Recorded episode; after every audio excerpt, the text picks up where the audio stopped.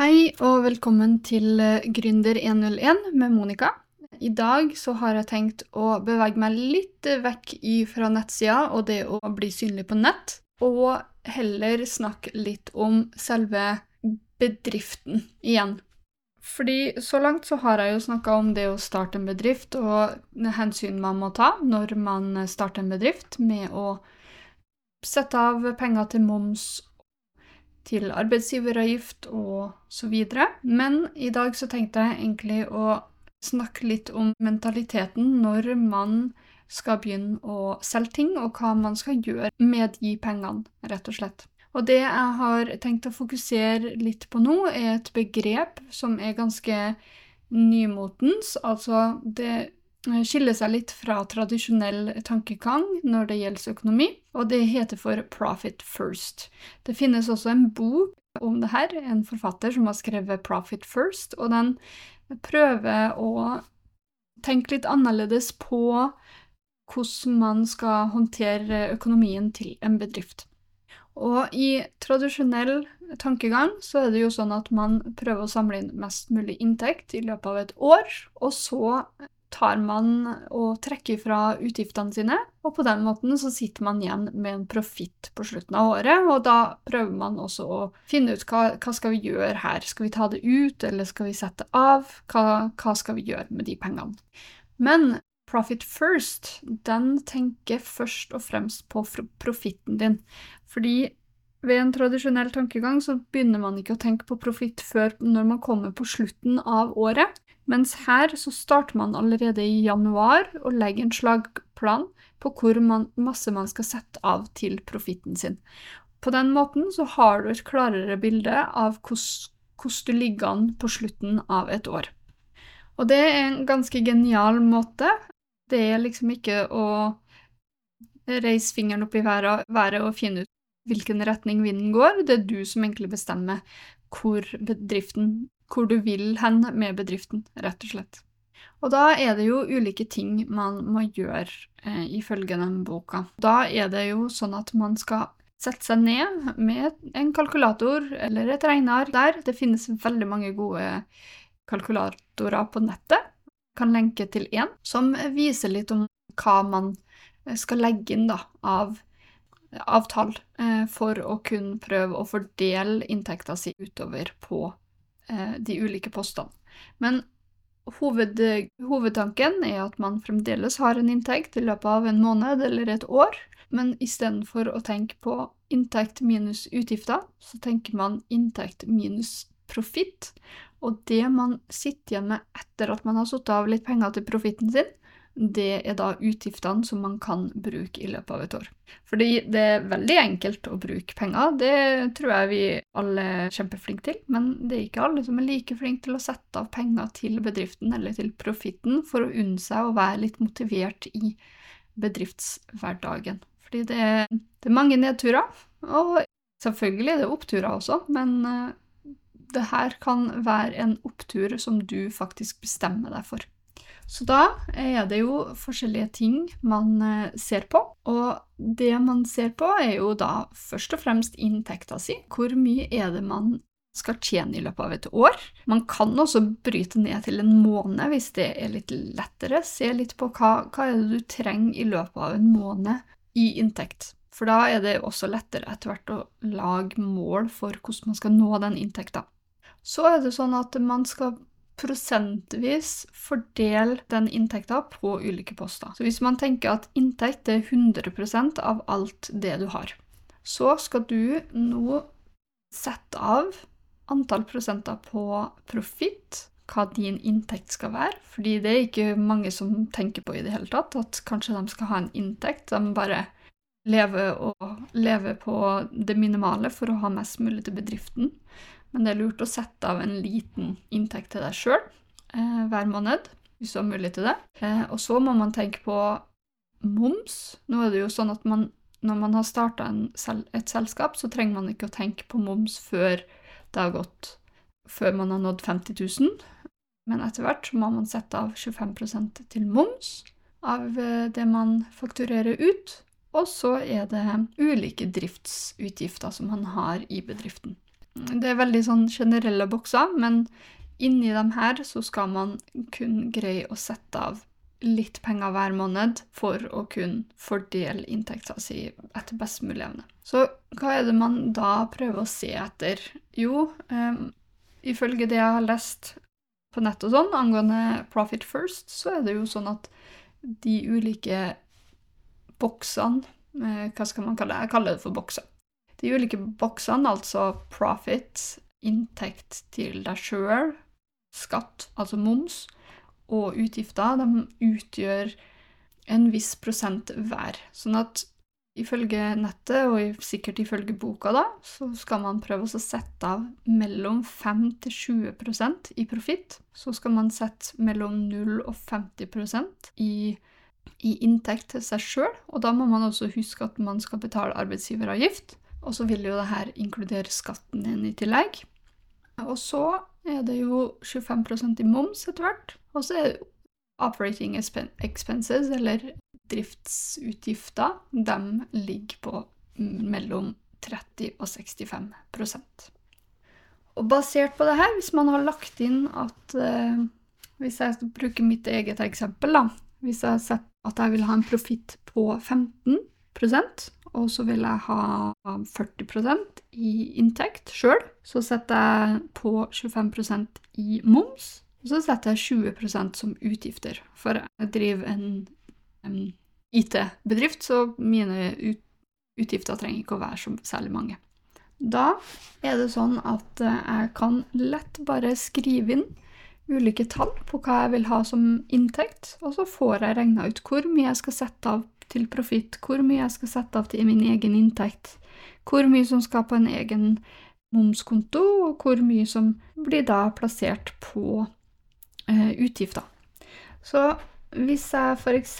da tar og skriver Vi prøver 30 000, da, bare for å ha et tall. Så vil jeg da, med en profitt på 15% ha mulighet til å sette av 4500 i måneden på en egen konto, som er en profittkonto.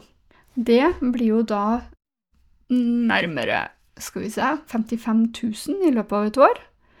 Kanskje greit å ha en kalkulator her, bare for å sjekke det. Så 4500 i måneden ganger 12 54 000 i løpet av et år. Så hvis jeg har fremdeles den inntekta på 30 000, og skal da ta 40 av det til min egen inntekt, så er det 12 eh, 000 i løpet av en måned. Og det blir da 144 000 i året. Kanskje ikke så masse, men én eh, plass må man starte. Og så har man skatt på 7500 i måneden hvis man må betale moms på 25% Og så en eh, Utgiftene mine ligger da på 6000 i måneden med 20% av all inntekt til utgiftene. Og på den måten så er på en måte denne kalkulatoren den har fordelt pengene til meg. Så da får jeg 12 000 i måneden til inntekt, og så setter jeg av 4500 til profitt. Og det vil jo da, selv om jeg har da 144 000 i inntekt i året, så ligger det jo fremdeles 54 000 inn på en profittkonto som jeg kan på en måte tildele meg sjøl på slutten av et år, hvis jeg vil det. Og da er vi oppe i Skal vi se Da er vi plutselig oppe i 198 000 inntekt. Uhu. Og så er det jo de 7500 i måneden på moms. De må på en egen konto. Og så har vi 6000 som vi har i utgifter. Men jeg ser jo for meg at jeg har faktisk ikke 6000 i utgifter hver måned. Det er jeg ganske sikker på. Så derfor så kan jo jeg f.eks. redusere de 20% og si at jeg vil heller sette av 10% til utgifter. Og da kan jeg jo f.eks. øke min egen inntekt fra 40 til 40 Ja, for jeg har 10, 000, 10% da, som jeg har til overs. For jeg gikk fra 20% til 10% i eh, utgifter. Så da har jeg 10% som jeg kan fordele på de andre tre boksene. Og da kan jeg f.eks. øke fra 40% til 45% på inntekt. Og så kan jeg øke profitten min fra 15 til 20% f.eks. Og da har jeg jo plutselig nå fått litt mer i profitt. Hvis jeg har 30 000 i inntekt i løpet av en måned og setter av 20% til profitt, så har jeg plutselig 6000 i profitt. Og så har jeg 13 500 i inntekt, og så har jeg fremdeles 7500 som moms, 7500 i moms, men jeg har redusert utgiftene mine fra 6000 til 3000. Og med de utgiftene jeg har nå, så ser jeg for meg at det er sånn ca. 3000 jeg har. Siden jeg har hjemmekontor og ikke særlig mange ansatte, osv.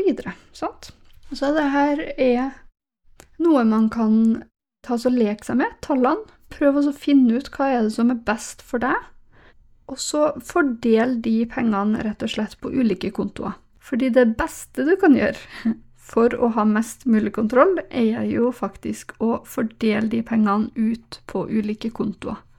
Jeg har jo villet nå opprette en egen profittkonto. Jeg ville oppretta en egen inntektskonto til meg sjøl. Og så har jeg villet hatt en egen utgiftskonto, som mest sannsynlig er den kontoen som man allerede får oppretta når man oppretter et AS og får seg en konto, fordi den er ofte kobla til kortet. Og så er det jo sånn at man må opprette en egen momskonto som pengene blir trukket ifra. Så jeg anbefaler å bruke den her. Da får du mer kontroll.